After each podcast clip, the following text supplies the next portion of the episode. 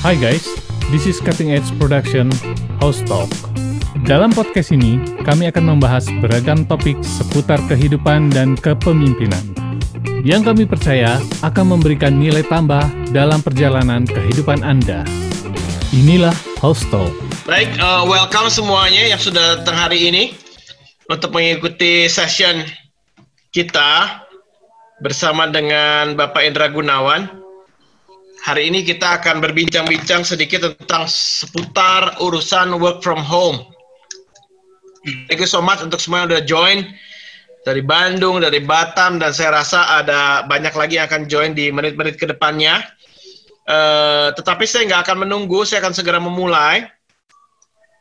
Thank you semuanya yang sudah hadir malam ini. Jadi kita akan banyak bicara seputar uh, seputar tentang norma yang normal yang baru, normal yang baru. Jadi apa kabar di sini uh, Bapak Indra Gunawan sudah bersama dengan kita?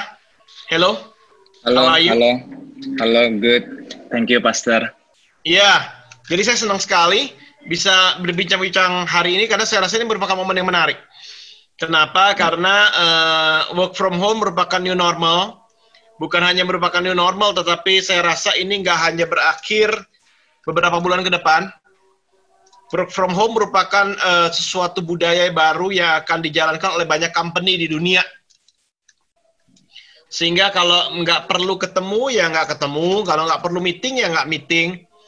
Tetapi kan kita sekarang work from home ini nggak terukur, sehingga banyak perusahaan juga uh, mereka merasa uh, riskan untuk meneruskan kepegawaian karena merasa bahwa uh, it's not worth it karena nggak kelihatan kerjanya apa, nggak terukur dan sebagainya. Perlu saya kenal, kenalkan hari ini narasumber kita adalah Bapak Indra Gunawan. Beliau adalah uh, co-founder mungkin ya dari uh, Bobo Box Indonesia. Jadi mungkin Pak Indra bisa jelaskan sedikit tentang uh, Bobo Box ini bergerak okay. di bidang apa dan sebagainya. Begitu, coba okay. kita pengen tahu gitu. Oke, okay, thank you Pastor Sam. Uh, thank you for inviting uh, and uh, giving me this opportunity ya. Jadi um, halo semua teman-teman FGF, salam kenal. Saya Indra, um, saya co-founder dari Bobo Box. Jadi Bobo Box itu is a digital uh, capsule hotel chain. So basically Jelasin kita... dulu Pak, Pak Indra, capsule hotel itu apa? Mungkin banyak yang nggak ngerti. Capsule okay. hotel itu apa? Oke, okay. jadi um, sekarang ini kan uh, kita ngelihat ya bahwa di mana-mana ada ada demand buat uh, uh, low cost akomodasi ya. Nah, jadi uh, yang kita lakukan itu kita develop modular box. Uh, jadi semua uh, operasionalnya running secara digital, terintegrasi dengan uh, teknologi. Jadi orang bisa booking, payment, uh, check in, check outnya semuanya seamless pakai uh, pakai aplikasi. Hmm. Jadi itu yang kita yeah. lakukan. Jadi uh, kapsul hotel adalah hotel yang kalau anda dulu dengar cuma hanya ada di Jepang di mana hotel itu mungkin muatnya hanya untuk satu atau dua orang untuk beristirahat dan kemudian untuk mandi bisa tetapi bisa dipakai uh, untuk orang yang nggak uh, cuma satu kamar ada satu kamar mandi. Di kamar mandi itu adanya di luar dan kalau untuk sarana untuk breakfast atau makan ada tetapi komunal sifatnya bersama-sama begitu. Jadi merupakan sesuatu yang trendy karena banyak orang sebetulnya nggak butuh uh, hotel untuk berleha-leha, tapi mereka hanya untuk butuh untuk istirahat. Tetapi kemudian mereka bisa uh, pergi ke mana-mana begitu. Dan uh, saya saya senang sekali karena kemarin uh, Pak Indra punya satu inisiatif bahwa banyak petugas medis kita selama COVID-19 ini banyak dari mereka nggak mungkin nggak mau pulang rumah karena pengen melindungi keluarga mereka, tetapi mereka juga butuh istirahat, mereka juga membutuhkan tidur sehingga uh, Bowo Box ini menyediakan tempat untuk uh, banyak tenaga medis. Mereka bisa uh, tinggal. Bisa diceritakan sedikit nggak tentang uh, okay. apa yang dilakukan selama pandemi okay. ini? Saya boleh sambil share screen kali ya, biar lebih kebayang Silakan. ya, Pastor Silakan. ya.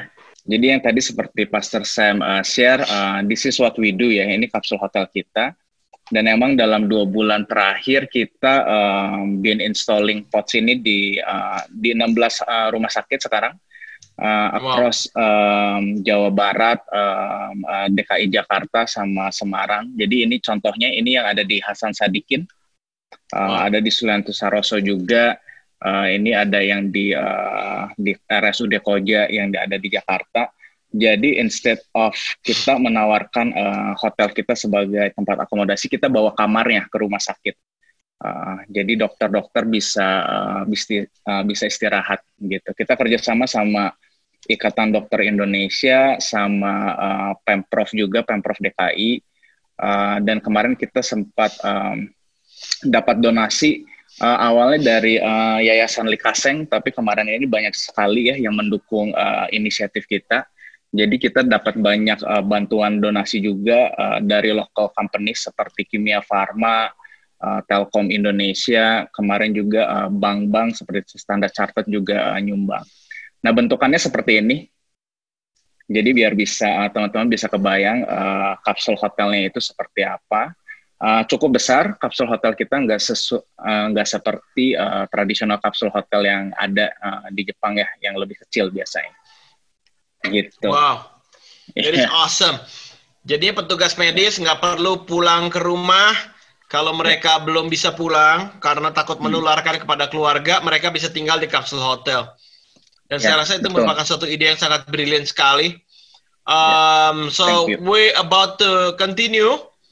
Uh, jadi setelah ini Pak Indra akan menjelaskan tentang uh, experience dia, mungkin sedikit historinya, dan kemudian perjalanan selama ini sehingga kita bisa belajar bahwa work from home ini merupakan sesuatu yang yang merupakan the future new normal. Dan kita nggak bisa lepas dari itu. Mau itu keluarga, uh, keluarga saya ngomong tentang sekolah anak, nggak akan lewat dari new normal akan mengalami sebuah paradigma yang baru, pekerjaan akan mengalami sesuatu yang baru, gereja akan mengalami sesuatu yang baru. So, uh, setelah ini saya akan uh, silakan juga uh, Pak Endra untuk silakan aja deliver your uh, presentation, please. Thank you so okay. much. Oke, okay, thank you, Pastor. Jadi hari ini saya mau share sedikit mengenai working from home uh, playbook seperti yang um, kita tahu semuanya ya uh, di zaman um, pandemi sekarang di masa-masa seperti sekarang uh, banyak dari kita harus beradaptasi ke new working um, policies yang ada. Uh, ini data berdasarkan survei Sensum uh, dalam lima bulan uh, ke belakang. Uh, 77% perusahaan di Indonesia ternyata sudah mengimplementasikan working from home policy di mana 50 persennya sudah melakukan uh, working rotation. Jadi uh, karyawan nggak diizinkan untuk masuk uh, semuanya. Nah, 46 persen dari perusahaan-perusahaan ini mereka harus mengupgrade digital infrastructure-nya. Jadi uh, contoh bandwidth uh, uh, internet harus diupgrade. Udah gitu banyak sekali uh, mereka harus mengimplementasi uh, working tools working tools supaya karyawannya bisa bekerja dengan uh, lebih uh, efisien. Nah, pertanyaannya yang tadi seperti Pastor Stem uh, katakan, apakah working uh, from home ini hanya menjadi tren sementara atau ini akan menjadi sebuah norma baru untuk jangka panjang? Nah, banyak data uh, seperti yang di sini yang saya uh, kasih lihat menunjukkan bahwa banyak sekali karyawan ternyata menyukai working from home policy ini. Bahkan nggak sedikit yang bilang bahwa mereka ingin working from home ini tetap dilanjutkan. Bahkan setelah COVID 19 eh, ini selesai. Dan alasan utamanya of course karena waktu. Jadi mereka punya waktu yang lebih fleksibel, mereka bisa punya more quality time with the families. Dan uh, ada beberapa orang juga merasa role-role mereka menjadi lebih produktif dengan um, sistem kerja uh, seperti ini.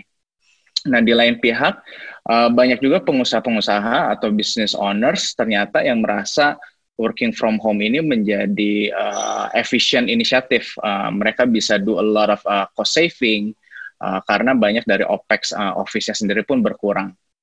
Nah, cuman the next questions is apakah working from home ini cocok buat semua orang? Apakah working from home ini cocok buat segala macam bisnis, uh, segala macam uh, uh, karyawan? Nah, ini yang yang kita harus uh, dive dive even deeper lagi. Nah, jadi um, kita di bawah box sebelum kita uh, dua bulan uh, tiga bulan lalu uh, mau implement working from home, we did our own uh, research gitu.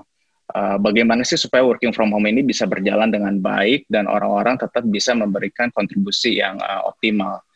Nah ternyata yang yang kita temukan working from home ini ternyata bukan suatu konsep baru ya. Uh, working from home adalah sebuah konsep yang sudah diimplementasi ternyata uh, jauh dari sebelum COVID-19 ini uh, terjadi. Cuman sebelum COVID-19 namanya lebih uh, namanya berbeda, namanya itu working remotely, bukan working from home. Basically uh, it's uh, a policy ya kebijakan sebuah perusahaan yang uh, memberikan izin untuk karyawannya atau staffnya bekerja di mana saja, working remotely. Nah, cuma karena selama COVID-19 semua harus ada di rumah, makanya kita mengenal istilah working from home.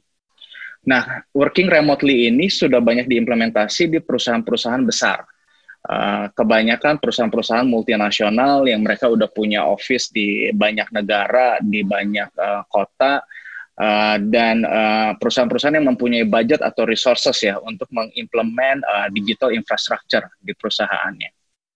Nah, yang menarik itu uh, dari beberapa companies yang kita uh, uh, jadikan benchmark, uh, apakah working from home ini dapat berjalan dengan baik atau enggak, selalu mereka ada satu sentence uh, they have one thing in common. Mereka bilang working from home atau working remotely only works for functioning adults.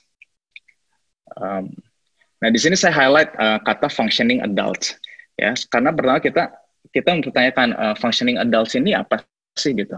Apakah ini cocok buat semua tipe industri nggak atau kita harus punya tim yang kayak gimana dulu nih supaya working from home ini uh, bisa jalan.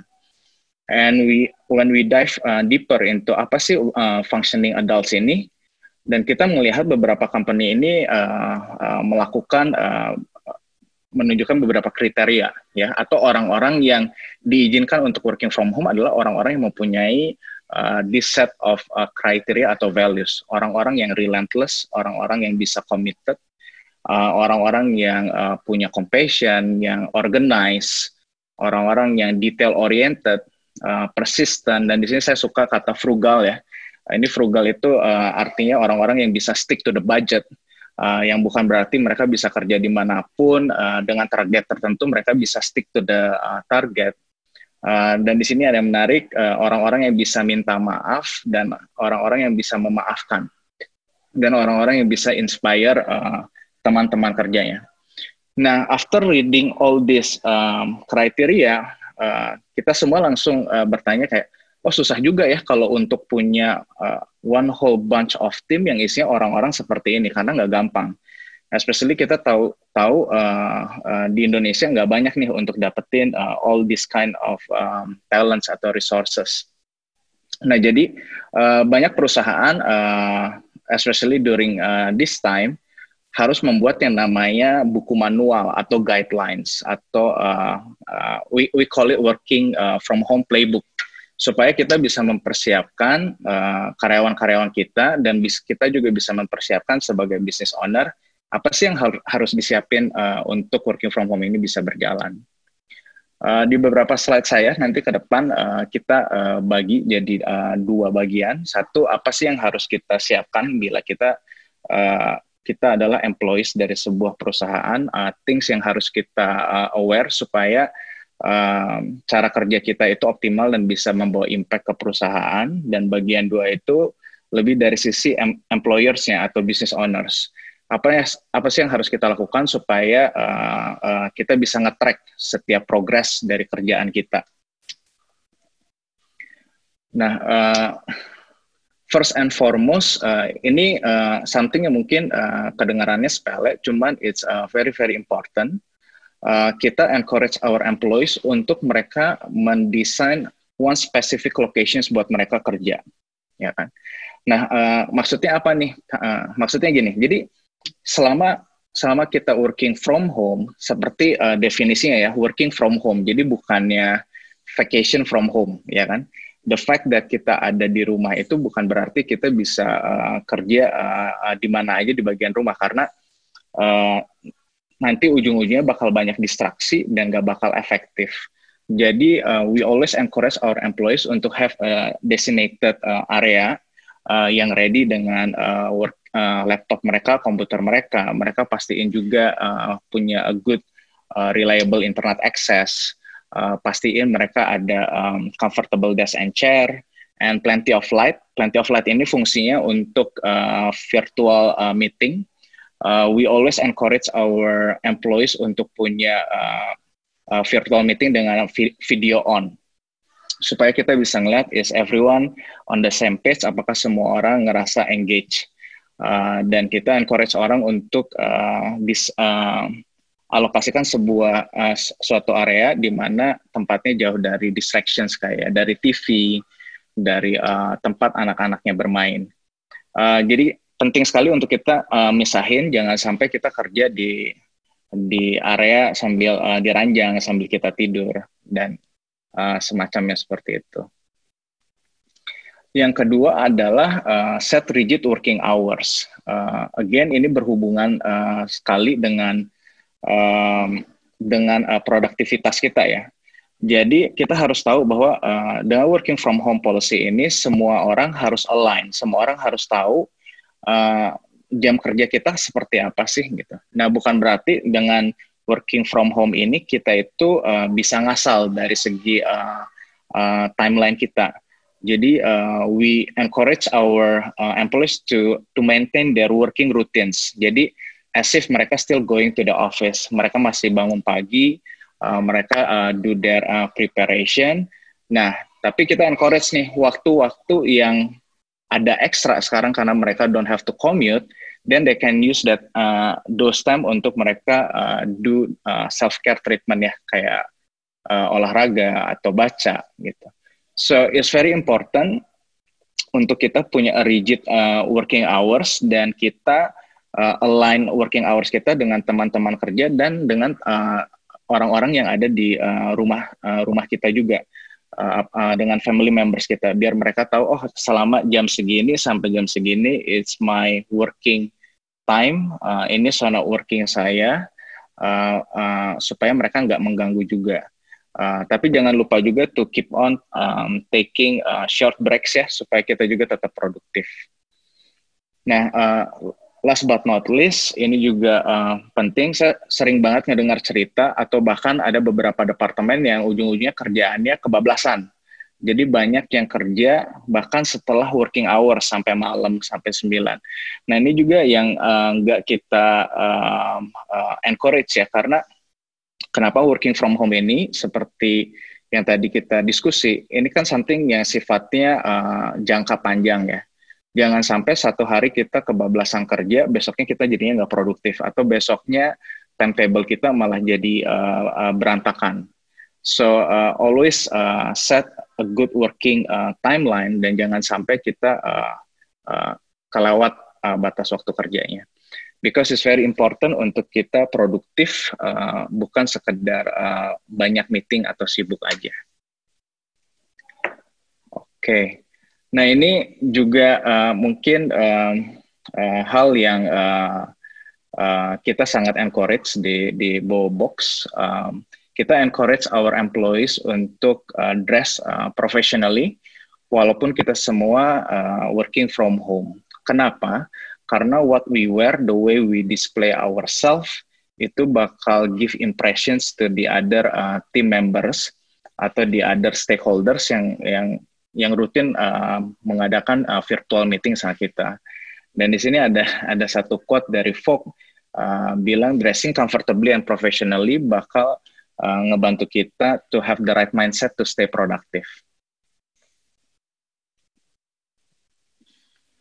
Nah, dan uh, penting juga untuk kita itu untuk over communicate.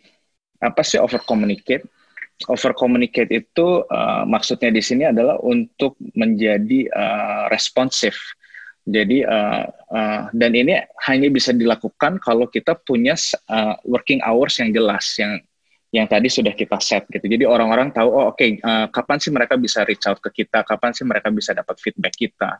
Jadi we have to be as responsive uh, as possible dan kita harus uh, align juga dengan uh, dengan teman-teman kerja kita. Kita mau pakai uh, communication tools-nya apa aja. Uh, dan kita harus uh, bisa let them know uh, kalau misalkan kita lagi available atau kita lagi away. Nah di sini ada beberapa um, tools, working tools yang uh, menurut saya sangat uh, helpful ya selama working from home ini. Uh, dan di sini saya tulis juga document everything karena uh, dalam masa-masa working from home banyak companies atau banyak orang ngerasa nggak produktif karena mereka nggak bisa nge-track, mereka kadang banyak miskomunikasi juga. Um, sebagai contoh, um, di sini ada uh, G Suite, Google Suite. Uh, kita pakai uh, Google uh, Docs untuk uh, semua dokumentasi kerja kita, uh, untuk uh, minutes of meetings kita. Setiap meetings uh, kita haruskan untuk ada minutes of meeting supaya every stakeholder yang terlibat uh, ingat mereka nggak lupa dan mereka juga tahu siapa sih orang-orang yang uh, responsible buat uh, setiap inisiatif dan apa sih objektif dan target yang mau dicapai dan timelinenya apa. Uh, ada satu tools yang saya uh, particularly uh, really likes dan uh, saya rasa bisa sangat banyak membantu ya banyak teman-teman di sini uh, itu adalah tools ini namanya Slack. Jadi Slack ini is uh, collaborative tools ya.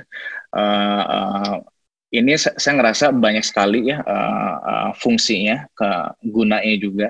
Jadi Slack ini fungsinya untuk ngebuat beberapa grup uh, uh, chat uh, untuk kita bisa uh, komunikasi dengan multi uh, departments, uh, many many people. Uh, sebenarnya fungsinya uh, apakah WhatsApp bisa melakukan ini? Bisa, cuman kadang kan uh, WhatsApp itu saat kita punya banyak sekali grup uh, grup chat, kadang kita suka ke suka nggak ngikutin, suka lose track gitu. Nah kalau Slack itu mereka uh, uh, bisa ngedokumentasiin kapan sih conversationnya terjadi uh, dan kita bisa nge-upload files kita lebih mudah.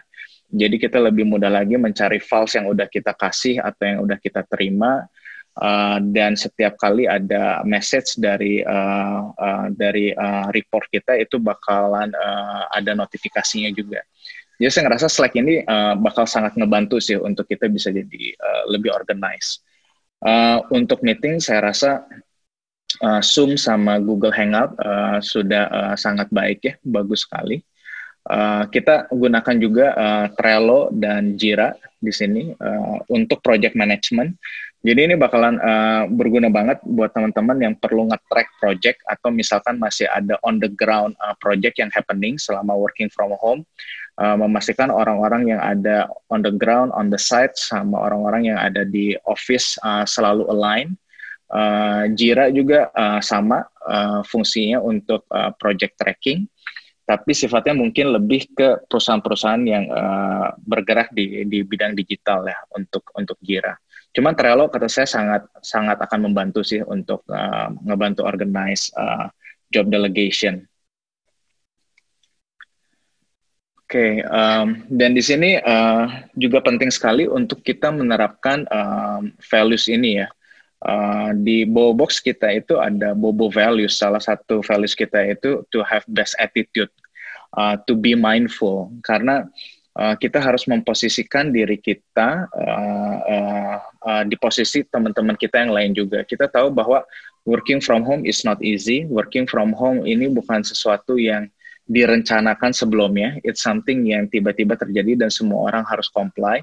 Jadi pasti bakalan uh, ada banyak mistake, bakalan banyak uh, miskomunikasi, bakalan banyak target atau deadlines yang belum sesuai, bakalan banyak adjustment ke tools-tools yang tadinya belum pernah dipakai, yang tadinya cuma cukup lewat email, sekarang kita harus ngegunain uh, many different tools untuk saling mengupdate.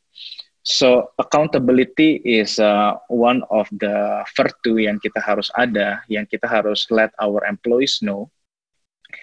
Uh, accountability uh, itu artinya it is not only what we do but also what we do not do gitu. Jadi apa aja sih uh, tanggung jawab yang harus kita lakuin dan uh, juga hal-hal apa aja yang kita nggak nggak boleh lakuin.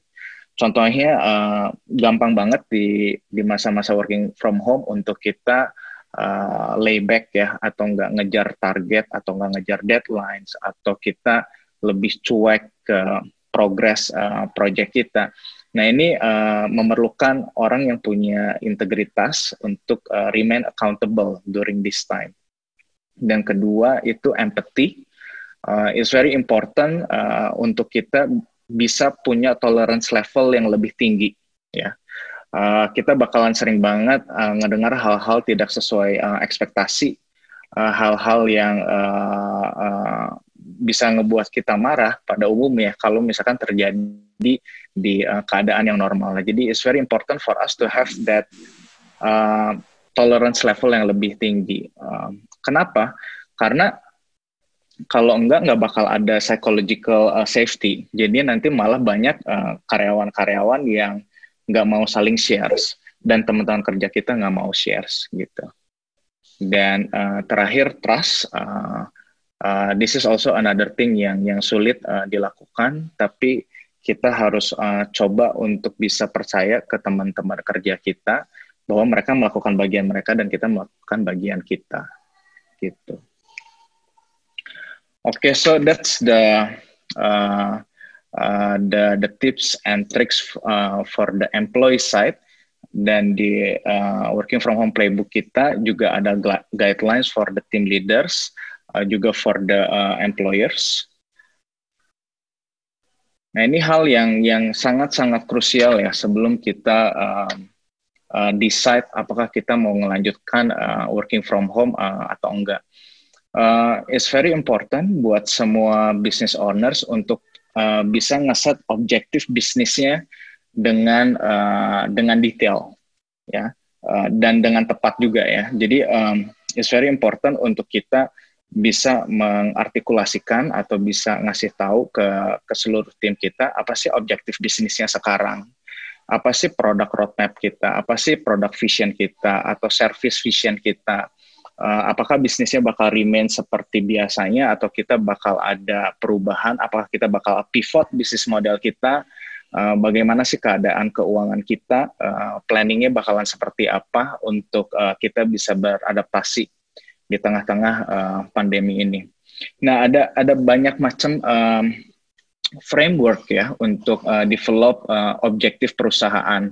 Uh, saya ngelihat ini adalah empat yang paling sering dipakai uh, banyak perusahaan untuk uh, develop their uh, objectives. Uh, there is no right or wrong uh, framework. Uh, saya rasa ini lebih cocok-cocokkan ke ke bisnisnya apa aja. Tapi kita bisa ngelihat saya di sini di uh, saya kasih lihat timelinenya. Uh, jadi masing-masing framework itu tuh uh, di di roll outnya atau terjadinya itu uh, di kapan sih gitu kita bisa ngelihat ada MBOs Management by Objective by Peter Drucker. Uh, itu udah uh, dipakai dari tahun 67 lalu ada George Doran yang dia mengimprovise uh, frameworknya namanya Smart Framework. Itu dari tahun 80 dan kita tahu di uh, tahun 80 sampai 90 bahkan saya saya rasa sampai uh, early 2000s KPIs is something yang dijadikan uh, benchmark by many many companies ya uh, True Balance Scorecard. Dan yang terakhir mungkin yang paling recent yang sekarang uh, orang-orang banyak lagi uh, bahas itu OKRs, uh, Objective uh, Key Results by John Doerr. Jadi ini sebuah framework yang dipakai uh, oleh companies kayak kayak Google, um, Tesla, and Airbnb. Bagaimana kita ngebuat tim kita lebih agile, uh, lebih lebih uh, lebih fleksibel dan lebih cepat beradaptasi. Uh, MBOs, Management by Objectives, ini uh, cocok untuk perusahaan-perusahaan yang manajemennya masih kebanyakan top down, uh, yang misalkan uh, banyak decision making masih dilakukan oleh level uh, manager ke atas atau owners. Uh, jadi sifatnya lebih uh, ngebuat corporate objectives dan uh, making sure semuanya di align sampai ke seluruh employees, lalu dimonitor, dievaluate, dan uh, mereka bakal come up dengan uh, performance uh, management reward system di mana yang perform bakal di reward uh, dan semacamnya. Uh, nah, terus kalau George dia um, create a smart framework, uh, ini jadi uh, dia lebih mengkerucutkan lagi objektif. Uh, George percaya bahwa setiap objektif itu harus spesifik, harus measurable, harus bisa diukur, uh, harus attainable, harus realistik, harus bisa dicapai, uh, harus relevan ke company vision and missionnya dan harus ada deadline. Jadi uh, yang namanya objektif itu nggak boleh uh, ngambang gitu, harus ada waktu waktu yang ditentukan kapan harus dicapai. Uh, dua-duanya is a good framework, uh, tergantung dari jenis usahanya aja. We just have to decide mau pakai yang mana. uh, KPIs mirip-mirip dengan um, uh, MBO sebenarnya mirip-mirip dengan uh, management by objectives. Cuman KPIs ini uh, belakangan kan uh, apa ya menggunakan uh, many different tools juga ya. Salah satunya balance scorecard. Jadi uh, key performance indicators ini uh, banyak dikorelasikan dengan empat perspektif. Satu itu di balance scorecard ada financial perspektif. Jadi uh, dari segi keuangan objektifnya apa aja sih gitu. Misalkan sel saya pengen jadi sekian atau uh, uh, uh, cost saya pengen jadi sekian, uh, revenues bagaimana, marketing strategisnya seperti apa. Nah itu dari financial perspektif. Uh, kedua dari customer uh, perspektif. Um, objektif kita apa sih customer satisfaction index kita uh, seperti apa sih customer puas nggak dengan pelayanan kita atau produk kita lalu mereka bakal melihat dari internal proses uh, perspektif juga apakah sudah efisien atau belum dan terakhir mereka bakal melihat dari learning and growth. Apakah company-nya itu uh, growing atau enggak? Nah yang di kanan ini ada OKRs Uh, OKR sekarang lagi banyak sekali ya di uh, dibicarakan ya. Uh, di banyak sekali webinar ngebahas tentang OKRs. Uh, banyak orang uh, uh, memiliki perspektif bahwa OKRs is the right uh, framework untuk diimplementasiin uh, di masa-masa yang semuanya serba uncertain, semuanya serba nggak jelas yang uh, di mana uh, perusahaan itu perlu lebih cepat uh, mengantisipasi setiap uh, keadaan dan ini uh, bisa kita lihat kenapa ini relevan ya di masa-masa uh, COVID sekarang karena uh, kebijakan pemerintah uh, itu keep on changing ya week by week, days by days bahkan. Uh, hari ini bisa lockdown, mungkin besok nggak lockdown, nanti lockdown lagi seperti yang kita ngelihat di di Australia, kita lihat di di China. Uh, gimana nih kalau ada second wave, apa yang bakal terjadi? Uh, gimana uh, bisnis itu bakalan uh, seperti apa bisnis model kita masih bisa jualan offline nggak dan um, contohnya kayak sekarang uh, 35 persen uh, uh, consumers behavior have shift ke online uh, online purchase. Jadi gimana sekarang banyak perusahaan-perusahaan udah harus mulai nge-setup uh, digital team ya gimana mereka bisa jualan uh, produknya secara digital. Nah jadi untuk topik ini aja saya rasa juga memerlukan uh, very very long time ya untuk kita bisa uh, dive deep uh, frameworknya seperti apa, cara kerja gimana. Uh, cuman OKRs ini uh, banyak banget bisa di Google uh, frameworknya seperti apa, macam-macam cara kerjanya. Uh, OKRs ini ada yang cocok untuk perusahaan um, digital, tapi ada juga yang cocok untuk uh, uh, manufacturing atau logistic companies juga. Jadi balik lagi ke kita, kita lebih comfortable-nya dengan uh, sistem yang mana. Oke, okay, next. Setelah kita ngeset objektif perusahaan, uh, itu harus jelas banget ya produk roadmap-nya apa, apa yang kita mau capai, uh, key metrics-nya apa. Uh, nah, key metrics itu apa sih? Key metrics itu basically numbers-numbers uh, yang yang bisa kita measure. Uh, jadi misalkan kalau di bawah box kita uh, objektifnya oh kita mau remain sustainable berarti occupancy rate-nya harus kita maintain sekian persen berarti itu bakal menjadi berapa jumlah kamar yang harus kita jual. Nah, untuk kita bisa jual jumlah kamar itu berarti harga yang kita harus jual berapa. Jadi lebih ke numbers uh, matriksnya. Nah, itu harus bisa kita track gitu. Nah, untuk kita bisa nge-track otomatis berarti kita harus sering dapat report, berarti kita harus sering lakukan meeting. Nah, tapi gimana ya melakukan meeting yang um, efisien, yang uh, efektif? Karena uh, dengan virtual meeting kan lebih susah juga ya. Walaupun sebenarnya semua orang bisa diundang uh, melalui Zoom. Kita bisa ngundang 200, 300, 500 orang. Nah, tapi gimana sih kita ngebuat meeting itu efektif? Nah, di sini saya bakal uh, saya always encourage team leaders untuk mengkategorikan tipe-tipe uh, meeting dulu supaya uh, fungsi dari setiap meeting itu uh, bisa didefinisikan dulu.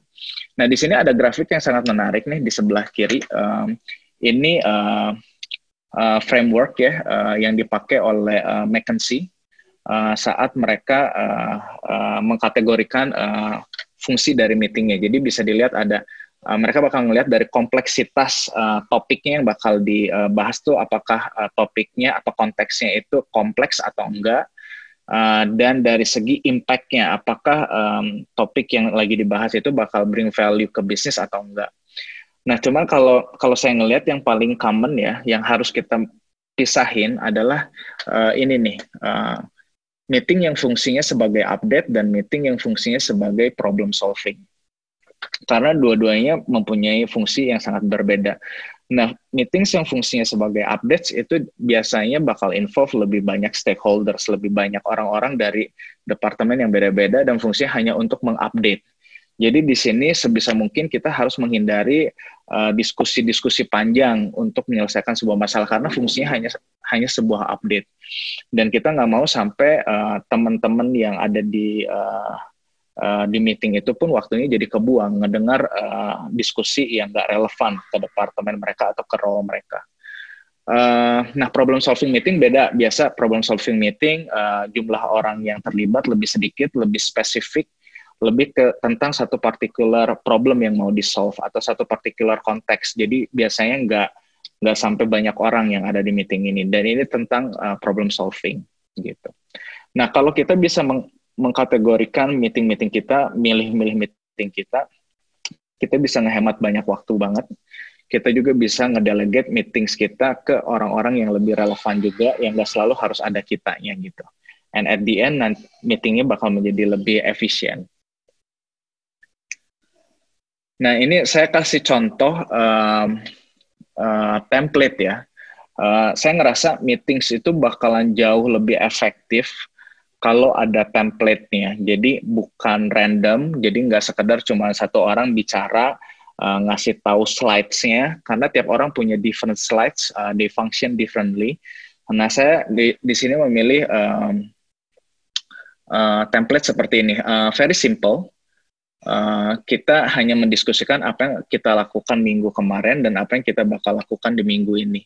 Dan di template ini, uh, uh, seperti yang terlihat di layar, ada statusnya, uh, apakah uh, inisiatif-inisiatifnya dalam status yang udah beres dan atau ada isu atau ternyata isunya uh, berlarut-larut sehingga perlu dieskalasi ke uh, manajemen yang lebih tinggi lagi? Di sini juga kita uh, kasih lihat uh, expected uh, uh, dan date-nya apa, definisi selesainya apa, apakah bakal ada blocker, next step-nya apa, dan dari prioritas, uh, kenapa sih saya tambahin prioritas? Penting banget, uh, apalagi di saat-saat sekarang ya, uh, banyak sekali ke kegiatan yang mau dilakukan pasti, uh, inisiatif yang mau dilakukan. Uh, jangan sampai kita nganggap semuanya itu high priority, karena di mana semuanya high priority, biasanya berarti nggak ada yang penting gitu. Jadi kita harus harus clear juga uh, bisa uh, convey that message ke ke semua yang uh, kerja. Um, nah next uh, ini salah satu uh, kriteria ya. Saya rasa banyak dari kita di sini sebagai business owners itu lagi benar-benar diberi uh, challenge ya. Um, uh, COVID-19 ini kan uh, sebuah pandemi yang belum pernah terjadi. Bahkan banyak yang mengatakan ini adalah salah satu uh, krisis terburuk uh, dalam uh, era bisnis ya. Kayak CEO-nya Hotel Marriott uh, bilang uh, selama 90 tahun Marriott berdiri, uh, COVID-19 adalah krisis paling parah di hospitality industry, bahkan lebih parah dibandingkan World War uh, One and Two gitu. Nah, uh, jadi penting banget uh, sebagai employer, sebagai business owners, untuk kita bisa menjadi resilient. Resilient itu uh, artinya kita bisa menghadapi uh, apa ya berita-berita yang keep on changing, keadaan-keadaan uh, yang berubah-ubah. Kita harus uh, menjadi orang yang at the front bisa menghadapi setiap uh, skenario. Dan di sini saya tulis juga transparent Uh, penting banget sekarang untuk business owners untuk benar-benar bisa transparan ke ke ke semua stakeholdersnya ya, ke investornya, ke karyawannya, ke uh, affiliatesnya, ke partner-partner uh, bisnisnya gitu. Di sini saya tunjukin ini namanya um, scenario planning matrix, uh, di mana menggunakan matrix ini uh, kita tim leaders itu mencoba mensimulasikan berbagai macam skenario yang mungkin terjadi. Uh, untuk kita uh, selalu aware apa sih yang bakal terjadi kalau paling parahnya bakalan kayak gimana ya gitu. Karena di masa-masa seperti sekarang kita nggak bisa cuek ya atau uh, kasarnya kumaha engke gitu ya gimana nanti. Kita perlu tahu kalau misalkan lockdown ini ada lagi gimana kalau lockdownnya diperpanjang gimana.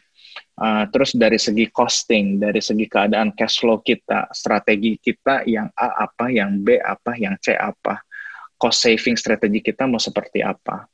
Uh, penting banget kita melakukan simulasi ini dengan tim leaders dan begitu ada simulasinya kita bisa komunikasikan juga ke seluruh karyawan. Kenapa mereka perlu tahu keadaan uh, perusahaannya seperti apa.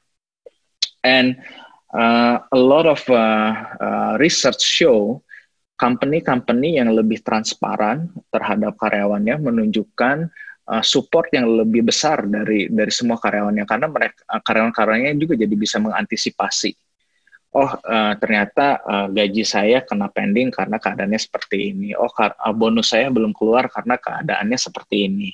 Harapannya apa? Dan dan our transparency bakal memberikan uh, apa ya uh, aspirasi ya atau uh, bah, bahkan mungkin menginspire employees untuk punya inisiatif-inisiatif yang baru untuk ngebantu perusahaannya bisa adapt better. Nah, ini salah satu contohnya yang dipakai sama uh, banyak perusahaan untuk mensimulasikan berbagai macam uh, skenario dan strategi. Ya. Dan juga yang nggak kalah pentingnya itu adalah uh, bagaimana sih kita ngebuat uh, culture di company-nya itu tetap hidup ya. Karena uh, biasanya working from home mungkin seminggu uh, pertama, dua minggu pertama uh, nothing really change cuma setelah berbulan-bulan uh, saya rasa uh, the, the culture uh, values-nya momentumnya uh, antar antar karyawan antar departemen mungkin akan menurun. Nah ini gimana sih supaya kita keep the culture alive uh, still make the culture exciting sama fun? Jadi um, Zoom dan Google Hangout itu bisa dipakai nggak cuma untuk meeting-meeting uh, kerjaan aja, tapi bisa kita lakukan aktivitas-aktivitas lain kita bisa uh, ngadain uh, one-on-one session sama uh, karyawan-karyawan. Kita bisa lakukan uh, uh, virtual games, virtual catch up, uh, uh, atau kita bisa uh, di bawah box kita ngeset satu um, satu tim namanya uh, BCP team untuk ngebantu uh, create uh, events-events ya yang secara virtual supaya everyone is engaged gitu selama um, working from home ini. Um, juga, nah ini juga uh, sama trust is also uh, is is an important aspect nggak cuma untuk karyawan tapi untuk employers juga. Uh, penting banget untuk kita bisa uh, delegate uh, job kita ya. Uh, nggak nggak mencoba untuk memicromanage karena micromanaging during this uh, during this time bakal discourage banyak employees dan ujung-ujungnya mereka nggak bakal berani ngambil keputusan dan ujung-ujungnya bakal tercipta sebuah kultur oh nanti gimana yang di atas aja gitu. Jadi uh, dan kalau itu terjadi uh, performance management atau nggak uh, bakal jalan gitu. Jadi nggak nggak bakal ada banyak orang yang bisa contribute to the company. So uh, lead with trust uh, kita kasih room for for our people to make mistakes juga uh, selama kita ngasih guidelines yang jelas, objektif yang jelas supaya kesalahannya nggak terjadi berulang-ulang. Uh, last but not least, saya mau uh, tunjukin ini aja uh, endurance. So ini endurance adalah satu kata yang sering banget dipakai sekarang sama uh, banyak company ya. Kalau uh, banyak investor kalau ditanya, oh sekarang sih zaman-zaman COVID-19, all we wanna find is uh, enduring company gitu. Nah, endurance itu apa sih? Is the ability to keep doing something difficult, unpleasant, or painful for a long time. I guess sekarang adalah masa-masa di mana kita di challenge sebagai business owner, sebagai employers, uh, gimana sih level endurance kita gitu dalam kita membuat strategi, dalam kita uh, mengantisipasi apa yang ada di depan. Uh, cuman uh, yang saya mau share juga saat masa-masa ini justru saat di mana semua orang face uh, facing many challenges ya banyak juga company-company yang bisa survive bahkan do very very well. Nah Sudah ini dari, uh, dan dan ini dan ini biasanya uh, adalah company-company yang um, yang sudah lebih ready. Nah contohnya uh, apa? Kita ngeliat Amazon ya. Amazon uh, has been growing uh, very very well in the past uh, couple of months karena mereka lebih ready dari segi digital uh, infrastrukturnya. Nah di Indonesia juga banyak company yang bisa beradaptasi dan ujung-ujungnya doing well. Contohnya apa? Uh, kemarin ini saya dengar kopi kenangan ya. Jadi kopi kenangan walaupun banyak mall yang tutup, tapi their digital sales itu remain the same. Bahkan ada peningkatan dari segi market share. Jadi ini sebenarnya ini bisa menjadi opportunity gitu untuk uh, banyak dari kita semua selama kita mempunyai mindset yang benar, selama kita mempunyai framework yang benar untuk nge-create objektif-objektif baru untuk kita bantu mikirin uh, apa sih produk market fit yang baru nih selama COVID-19 dan bahkan setelah COVID-19 ini uh, berakhir. Gitu. Jadi semangat buat kita semua yang malam ini semoga uh, pandemi ini uh, uh, cepat selesai dan semoga juga kita semua diberikan hikmat sama Tuhan untuk dapat mengambil keputusan-keputusan yang uh, uh, baik untuk perusahaan kita. Sekian dari saya. Terima kasih. Saya balikan lagi ke uh, Pastor Sam. Thank baik, you and feel free to ask any questions. Yeah. Thank you so much untuk semuanya yang telah dibicarakan. Uh, saya ada beberapa pertanyaan dari ya, uh, ya. saya sebelum yang lain mungkin uh, pertanyaan akan saya tanyakan ya. Ya. Jadi um, saya um, mau bertanya dari sisi uh, manajemen Kebetulan untuk S2 tesis saya dari Peter Drucker, ob, uh, management management by objective. Okay. Jadi uh, selama mungkin satu setengah dekade ini kan kita begitu banyak hal yang kita serahkan kembali. Jadi uh, bottom up punya uh, sistem manajemen dibanding top down begitu. Peter Drucker kan betul-betul uh, objective comes from the top. Yep. supaya itu terjadi. Saya uh, tesis saya waktu itu tentang management by objective in, in General Motors di Amerika. Begitu. Dan uh, hari ini saya pengen uh, bertanya. Terlalu lama orang bekerja sendiri inisiatif sendiri dan sekarang harus bekerja di rumah. Uh, bukankah itu sekarang butuh leadership Peter Drucker ngomong banyak tentang leadership sebetulnya everything ends and fall with leadership um, John Maxwell juga ngomong seperti itu yeah. jadi bukannya sekarang adalah waktu awal-awal ini ya kita work from home, bukankah butuh hmm. waktu di mana manajemen bisa top down dulu dari sekarang, hmm. setting everything, consolidate everything, membuat sesuatu menjadi sesuatu yang uh, sangat baku, sangat yeah. Ya. uh, rigid mungkin awalnya, sehingga semuanya bisa bekerja dengan baik. So uh, kita kan jadi butuh um, balance. Tadi uh, Pak Indra ngomong tentang don't micromanage tetapi uh, Peter Drucker bilang uh, top down banget, management by objective. Jadi gimana ketemu di tengahnya begitu? Kira-kira. Oke, okay. okay, that's a very great questions. Jadi emang betul ya. Uh, makanya kenapa yang tadi uh, saya sampaikan ini kan uh, judulnya itu working from home playbook. Jadi playbooknya ini lebih ke top down ya. Jadi lebih kita yang ngeset uh, how working from home ini bisa berjalan, right? Nah, uh, dari Peter Drucker itu kan top down management lebih ke objektif si perusahaannya. Jadi kalau tadi saya kasih lihat kan dari segi framework itu ada MBOs, ada SMART, ada KPIs, ada OKR. Nah perbedaannya gini, yang harus datang dari uh, owners atau business owners itu adalah the big the big picture at the top, ya kan? Itunya emang harus ada.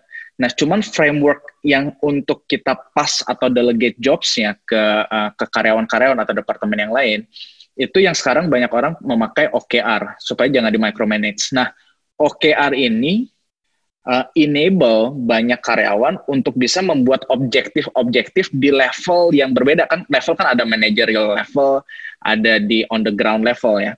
Nah, mereka bakal membuat objektif-objektif baru yang menurut mereka bisa mendukung pencapaian objektif yang diinginkan uh, oleh uh, company atau business ownersnya gitu. Jadi yes uh, untuk awalnya atau misalkan working from home uh, playbook ini emang dibuat dari uh, top management lebih ke guidelinesnya. Seperti yang tadi uh, uh, Kosem bilang set rigid working hours. Itu harus datang dari dari dari business owners ya.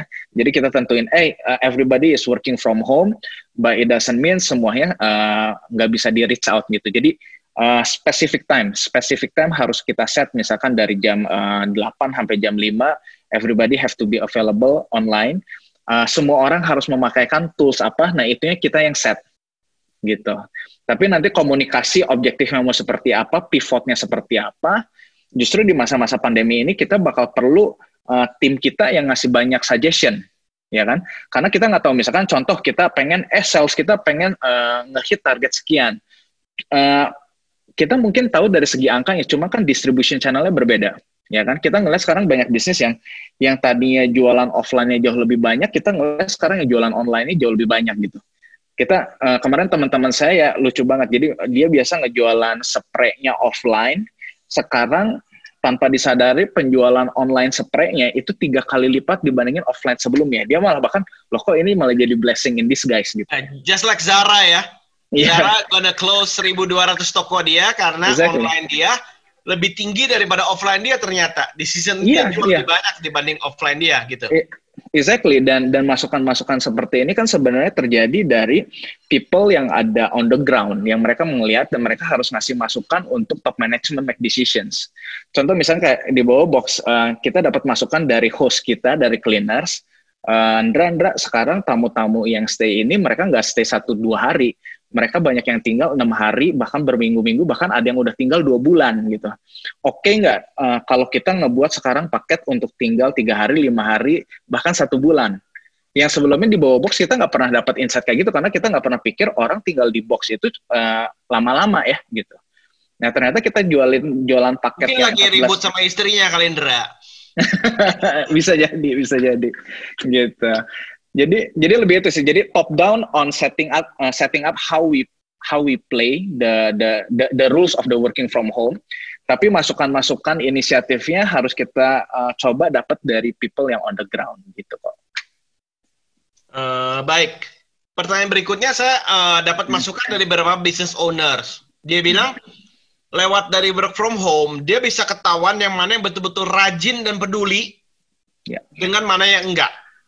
Tadi ya. uh, Pak Indra ngomong sedikit tentang uh, fokus, fokus ya. on the job. Jadi ya. fokus itu penting kan, work from ya. home, tapi harus fokus. Ya. Ya. Dan sekarang business owner banyak berkata, uh, kenapa saya nggak uh, fokus sama yang fokus aja? Ya. Ternyata selama ini saya kelebihan staff. Ya. Dan kalau nggak ada orang-orang ini, saya bisa survive ternyata perusahaannya ya. Ya. dengan orang fokus. Jadi um, bisa nggak kita katakan uh, kalau yang nggak out of focus will be out of the job. Yes. Begitu. Ya. Kira-kira gimana? Betul, out of focus sama ini juga ya, saya rasa uh, dari segi uh, eksekusinya ya, gimana nge-tracknya ya. Jadi, it's very important for all of us untuk benar-benar bisa nge-leverage, uh, bahkan take this opportunity untuk deliver more, untuk contribute more, ya kan. Uh, kemarin ini saya sempat ada di satu uh, webinar juga ya ngobrol sama beberapa business owners. Banyak sekali manufacturing yang udah merumahkan 50%, bahkan ada yang 70% dirumahkan dan omset mereka ternyata bisa remain steady setelah 70% uh, eh, merumahkan. Jadi hal-hal uh, ini terjadi. Kita kita ngelihat bahwa uh, tapi itu juga kita harus lihat bahwa perusahaan-perusahaan yang bisa mendapatkan result seperti itu juga mengeksekusi dengan baik dan beradaptasi dengan digital infrastruktur yang baik gitu. Jadi contoh apa? Uh, jadi nggak bisa kayak kayak oh kita rumahin aja terus kita nggak ngapa-ngapain tapi uh, expect uh, omsetnya remain the same atau salesnya tetap uh, lebih baik gitu. Kayak Sarah, ya Sarah menutup 1.200-nya, cuman Sarah double down their investment di uh, platform online mereka gitu loh. Mereka memastikan bahwa loading time lebih cepat, mereka memastikan paymentnya lebih cepat juga gitu, ya kan? Nah jadi yes, jadi orang-orang yang bisa ngelihat opportunity, orang-orang yang lebih positive thinking ya, bisa ngelihat ada opportunity uh, behind every adversity. Nah inilah orang-orang yang bakal uh, dipakai banyak ya oleh perusahaan-perusahaannya. Orang-orang tapi kan kita juga ngelihat banyak juga orang-orang yang lebih gampang komplain ya di masa-masa sekarang, ya kan? Orang-orang yang ngelihat ah perusahaan ngebayar gaji saya cuma 80% atau setengahnya, ah udah deh saya juga nggak mau contribute. Nah, jadi it really depends on how we respond gitu sih. Ya, tapi betul, uh, focus is is is very important. Jadi ada teman-teman pengusaha juga ngomong ke saya, sekarang kan uh, reporting is everything. Ya. Meskipun banyak uh, teman-teman pengusaha juga abuse pegawainya sih. Ya. Jam 8 nelpon harus ada report ya, jam ya. 9 malam yeah, yeah, uh, nggak menghormati waktu kerja dari jam 8 sampai jam 5 itu ya. Yeah. Dipikir kamu work from home, kamu pasti santai. Kau bisa menjawab yeah. kapan pun. So, yeah. uh, Josh Doran kan bilang tentang KPI kan, he's big on smart system dan sebagainya begitu yeah. on KPI. Yeah. Tapi uh, juga ada uh, teman-teman buku saya bilang um, sekarang kan heavy on reporting jadinya kan ya. Yeah. Integrity dari orang yang kerja juga dinilai dari reporting. Betul. So ada istilah nanti ke depannya no report no money. Yeah. Kamu nggak yeah. report, mana saya tahu kamu kerja. Yeah. So how, how uh, tentang KPI dan sebagainya gitu ya. Uh, Josh Duran sangat sangat heavy on KPI, key performance hmm. indicator. Dan yeah. sangat-sangat mudah untuk dinilai ketika orang datang ke kerja jam 8 sampai jam 5. So KPI yeah. uh, gonna gonna be changed in the future. Right. It's yeah. gonna be uh, management by result. Hasil right. apa yang kau bisa dapatkan? Kalau kamu manajemen yeah. ya kamu harus dapatkan ide-ide apa yang baru buat perusahaan atau buat apa pun begitu. So yeah. uh, gimana your view about no report no money? Is yeah. it uh, empathic? Tadi kan ngomong yeah. tentang empathy. Yeah, oh yeah, gimana yeah. dia dan sebagainya. Karena sekarang yeah. ngomong terus terang ya, saya ini nggak ngomong tentang saya. Banyak hmm. business owner, banyak factory owner bilang, sekarang uh, anak-anak yang kerja di saya nggak fokus kok. Mereka juga jualan, mereka jualan rendang, mereka jualan iya. risoles, mereka iya. jualan pastel. Mereka ada income lain. Mereka nggak hanya fokus kepada saya. Why should I pay more?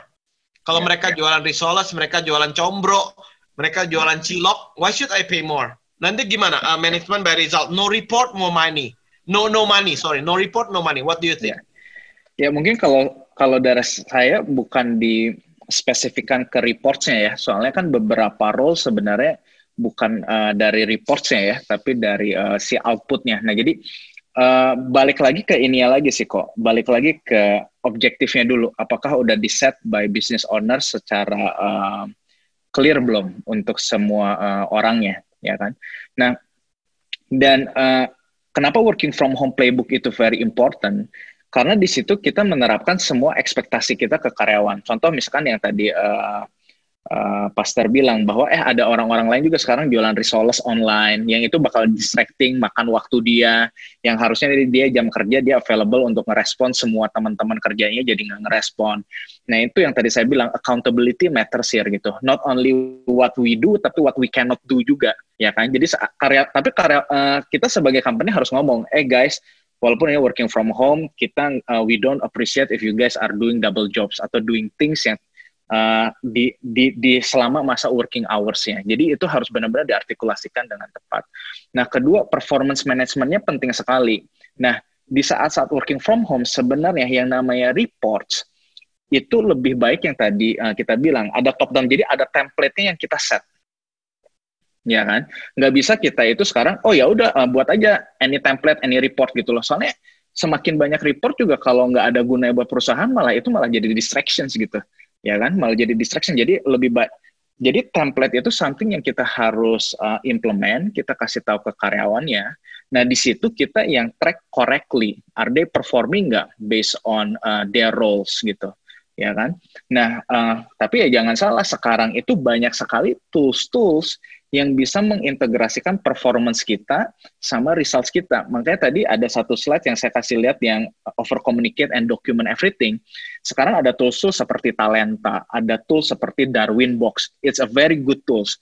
Saya sih encourage untuk uh, company-company yang uh, size-nya udah di atas 40 orang lebih ya, menggunakan tools ini untuk kita bisa punya apa ya, clear objektif ya decision based on performance uh, masing-masing uh, employees kita gitu.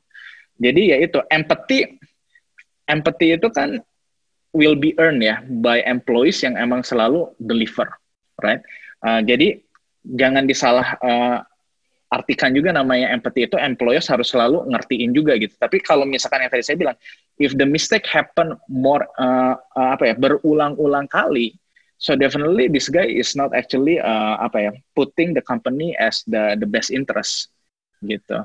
So when we're saying empathy ini adalah kita ngasih room for them to make mistakes, but not rooms for uh, apa the same mistakes gitu.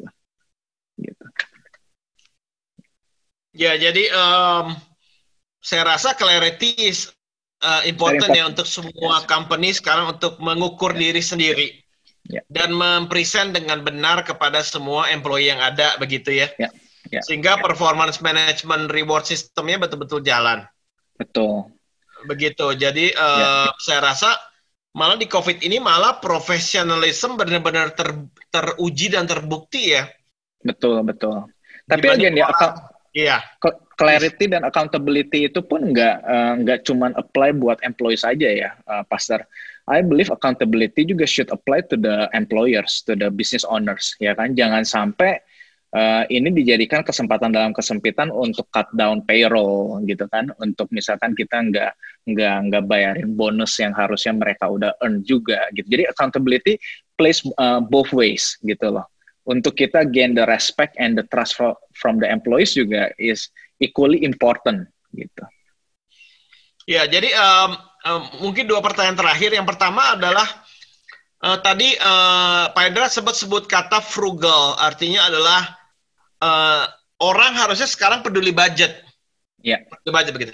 Saya ya, uh, senang dengar kesaksian dari salah satu anggota jemaat ya, dia dokter, hmm.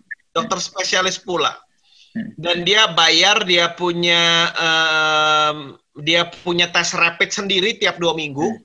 Dan dia bayar dia punya vitamin C booster tiap dua minggu hmm. begitu karena dia bilang bahwa sekarang uh, rumah sakit yang tempat dia kerja itu banyak subsidize orang untuk yang covid dan sebagainya jadi dia dia sendiri hmm. sehingga dia sebagai dokter spesialis salah satu dokter spesialis dia peduli dengan budget frugal hmm. so uh, I think it's frugality is not only peduli budget ya, but it's sense hmm. of it's a sign of maturity. Yes. Yes. Untuk orang peduli budget. Dan saya percaya yeah. sekarang ini betul-betul uh, saya percaya loh, orang yang kerja juga banyak yang consumerism loh. Yes. Dia bilang bahwa saya kerja di sini, saya merasa saya berhak dapat semua benefit. Yeah. So can you elaborate a bit about uh, frugality? Right. Bahwa kalau okay. saya peduli, maka saya punya uh, long term effect untuk semua orang dalam perusahaan begitu ya. Iya. Yeah. Ya, yeah. so uh, frugal sendiri ya seperti uh, yang tadi Pastor bilang ya, uh, itu adalah sangat aware of the budget that we have. Dan ini itu adalah um, apa ya value yang udah jarang ya ditemukan ya. Jadi uh, banyak sekali sekarang investor-investor uh, uh, saat mereka mencari, mereka itu selalu ngomong uh, Indra, we are looking for um, uh, founders yang punya uh, DNA founders. DNA founders itu salah satunya itu adalah frugality katanya. Dan ini tuh sekarang di era digital sekarang, di dunia sekarang yang bergerak begitu cepat dan di dunia yang mempunyai access to capital uh, gampang sekali, frugality itu sering hilang, ya kan? Nah, frugality itu uh, benar mengetahui budget, sangat aware dengan financial position perusahaannya Nah ini yang banyak orang-orang itu eh, nggak uh, peduli ya atau lebih ke gimana nanti. Karena sekarang kita living in an era di mana access to capital tuh comes in many many forms. Ada financial institution yang bisa ngasih pendanaan, uh, ada ada banks, uh, bahkan sekarang online online peer to peer uh, lending juga ada gitu. Nah makanya frugality-nya jadi jadi hilang dan tadi benar gitu karena social media dan segala macam kita terekspos dengan apa sih yang orang bisa pakai, apa sih yang orang punya, consumerism menjadi lifestyle juga. Jadi frugality kadang kebawa juga to the way we work gitu loh. Jadi banyak sekali bisnis-bisnis yang hanya peduli cangkangnya. Oh saya pengen kelihatan perusahaannya gede, saya pengen punya office-nya bagus, saya pengen punya uh, the latest technology, cuma sebenarnya dalamnya bobrok. Right? Nah so frugality adalah hal yang sekarang sangat diangkat sama uh, banyak uh, pengamat ekonomi ya, apakah kita bisa melihat uh, leaders-leaders uh, di di many kind of business bisa adapt dan bisa ngancengin ikat pinggang atau enggak? Can they uh, you know cut down cost yang emang uh, perlu di cut down gitu? Jadi uh, contohnya uh, yang orang yang selalu di, dibilang ya uh, very frugal itu Jeff Bezos, Pastor.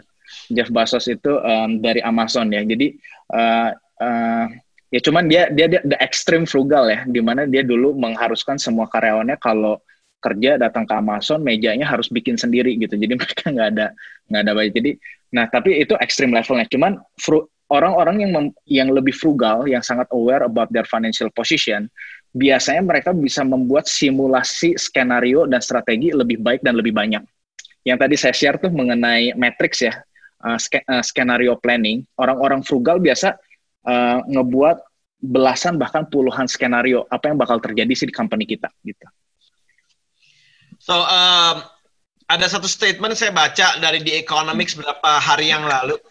Hmm. Betul nggak statement ini kira-kira? Kalau orang nggak peduli budget, they'll be out of management in yes. the future. Yep, that's right. That's that's that's very true. Dan dan ini kemarin ini menarik banget ya. Jadi uh, kebetulan karena saya di startup, right? Uh, startup itu kan lagi kena uh, apa ya? Benar-benar kena severe impact ya in in many directions, right?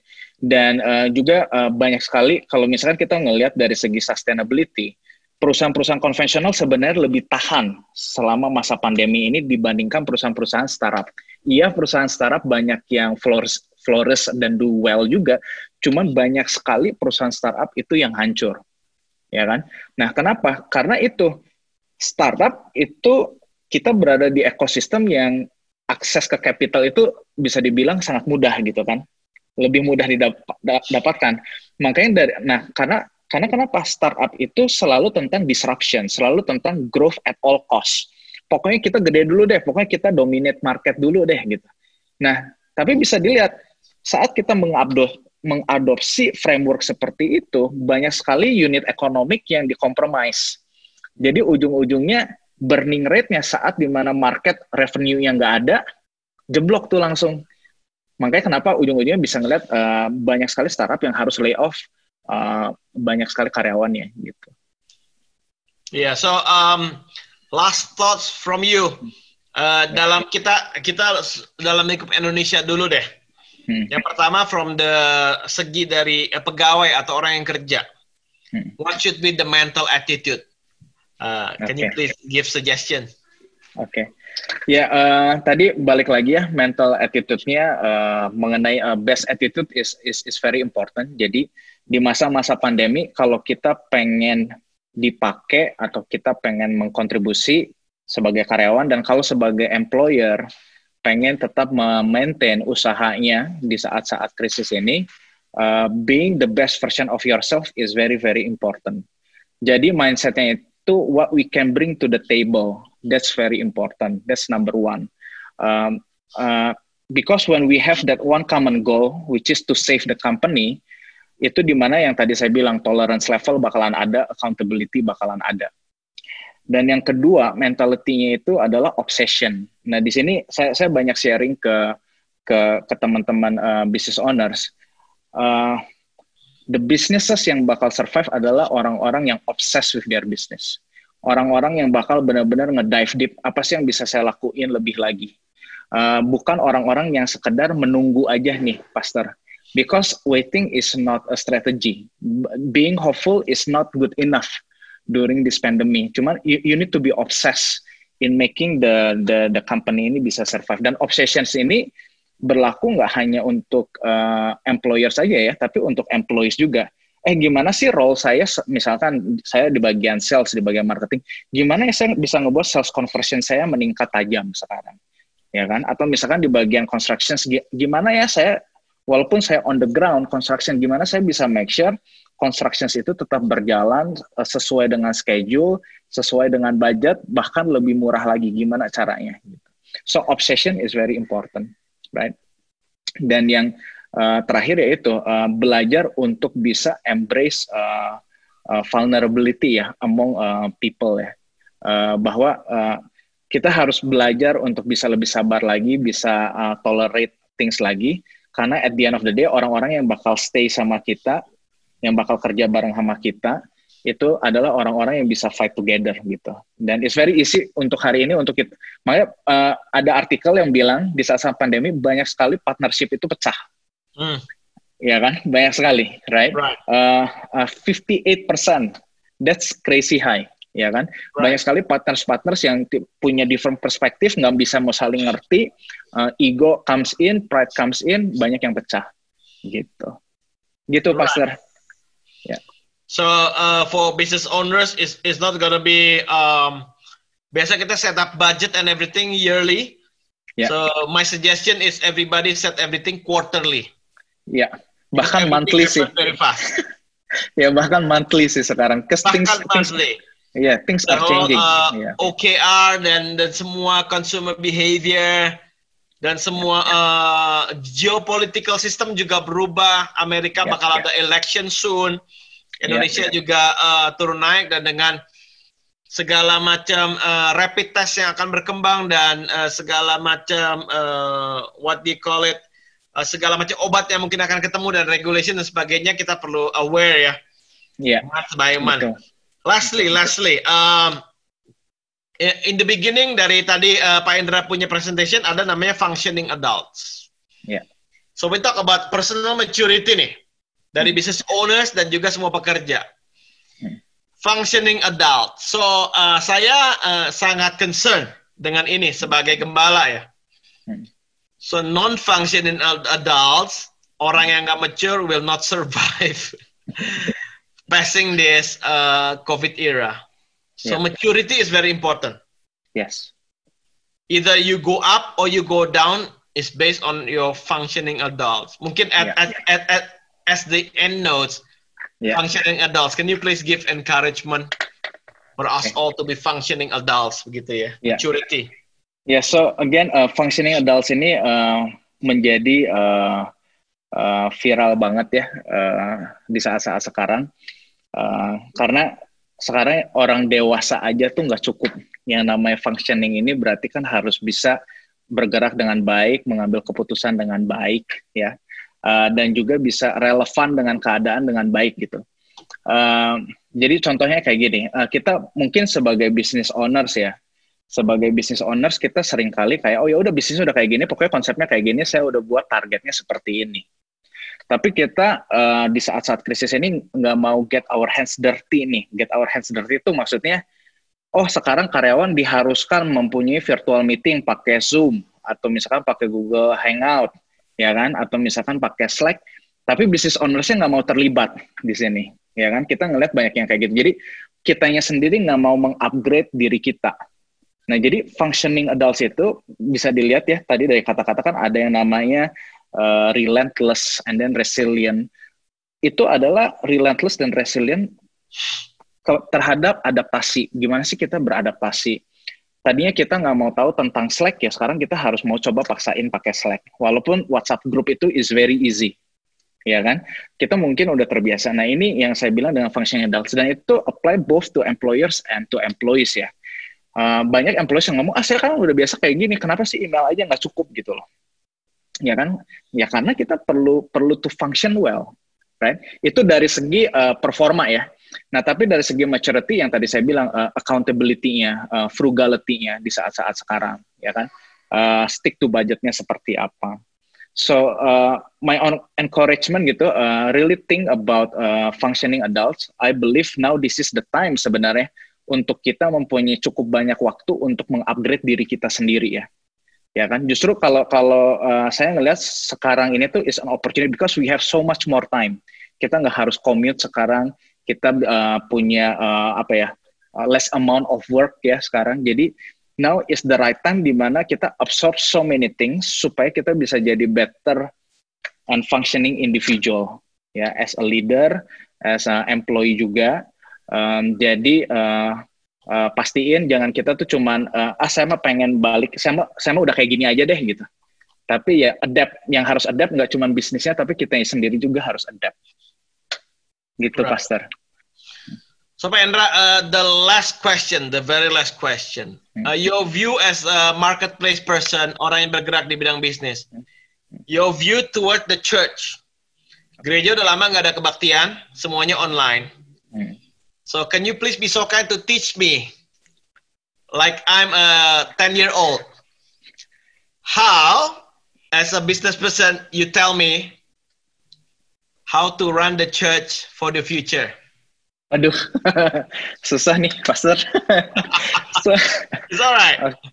Oke, okay, I guess uh, mungkin yang harus kita embrace itu um, I don't know ya. This is something yang uh, tadi I, I guess this uh, morning uh, online service juga bagus banget tadi yang di share uh, uh, hari ini mengenai uh, bahwa online uh, service ini something yang harus di embrace, something yang harus dijalankan terus. Bahkan nanti kalau nggak ada covid pun bahkan ini menjadi suatu apa ya new product market fit ya yang harus di continue gitu. Nggak nggak tiba-tiba oh dihilangkan. Jadi uh, saya ngelihat uh, ya embrace digital apa ya digital presence of technology sekarang sih Pastor.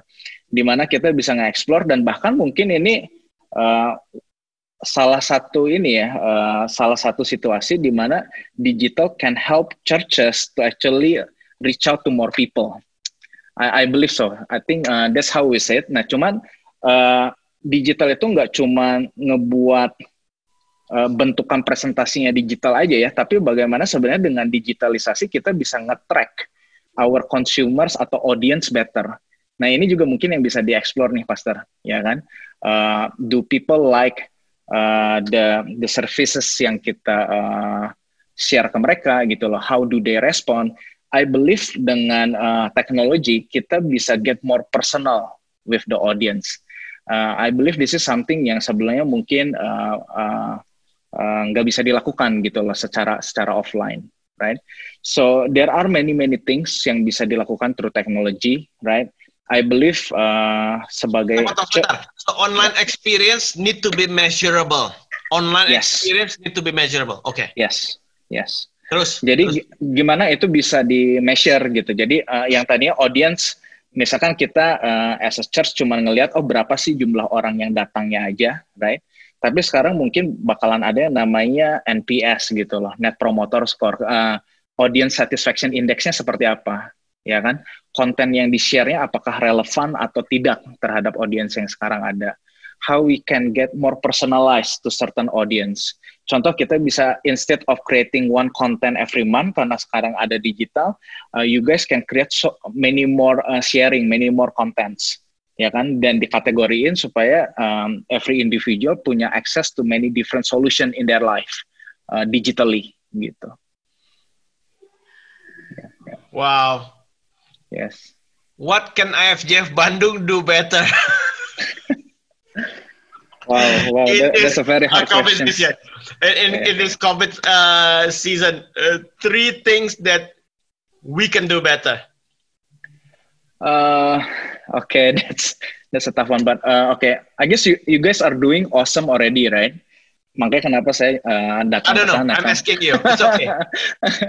right. Uh, well, I would say uh, challenging the team untuk create more contents, not only for the weekends, tapi bisa jadi daily uh, weekdays content will be uh, beneficial for uh, a lot of uh, us, uh, I would say. Uh, kedua, mungkin yang bisa dieksplor adalah bagaimana kita melibatkan uh, banyak uh, uh, dari kita semua, teman-teman di IFGF, untuk bisa contribute more uh, and bring, uh, bring back to the community ya during this COVID-19 because Uh, contoh contohnya seperti ini sih, um, Pastor. Uh, belakangan ini banyak sekali platform-platform uh, uh, donation uh, crowd uh, funding ya, yang mereka uh, uh, donate ke ke banyak orang-orang yang membutuhkan ya, ke uh, nggak nggak cuma ke dokter, nggak cuma ke health workers, tapi orang-orang yang very impacted because of this uh, COVID-19 right? Uh, I guess that's also something yang bisa di uh, explore, saya rasa supaya kita bisa ngejangkau lebih banyak lagi orang-orang yang yang membutuhkan gitu. Uh, so uh, itu itu dua that I can think of sih, uh, Pastor. I cannot think of the third one, but uh, these two things I believe will be really good. Soalnya uh, banyak orang banyak orang-orang despair ya, walaupun mungkin nggak kelihatan ya uh, orang-orang yang perlu. Maksudnya this COVID-19 other than the financial side, uh, emotional side juga banyak yang kena efeknya sih uh, pastor and uh, I believe uh, mereka bakalan uh, perlu banyak apa ya uh, masukan encouragement from many different perspective uh, of life yang sebenarnya bisa didistribusiin secara digital uh, lebih uh, optimal lagi sih uh, pastor. That's very good yeah. so semua teman-teman dari uh, production dan kreatif yang dengerin we need more content uh, weekdays supaya bisa lebih uh, bisa lebih relevan ke semuanya. Thank you so much, uh, Pak Indra hari ini udah luangkan waktu. Saya rasa nah, kita udah uh, belajar banyak sekali, uh, so many goals yang kita bisa ambil hari ini. Thank you so much for your time. Juga untuk semuanya yang uh, uh, join, uh, thank you so much. We gonna distribute uh, ini semua via YouTube dan juga um, IGTV. So semuanya bisa diberkati.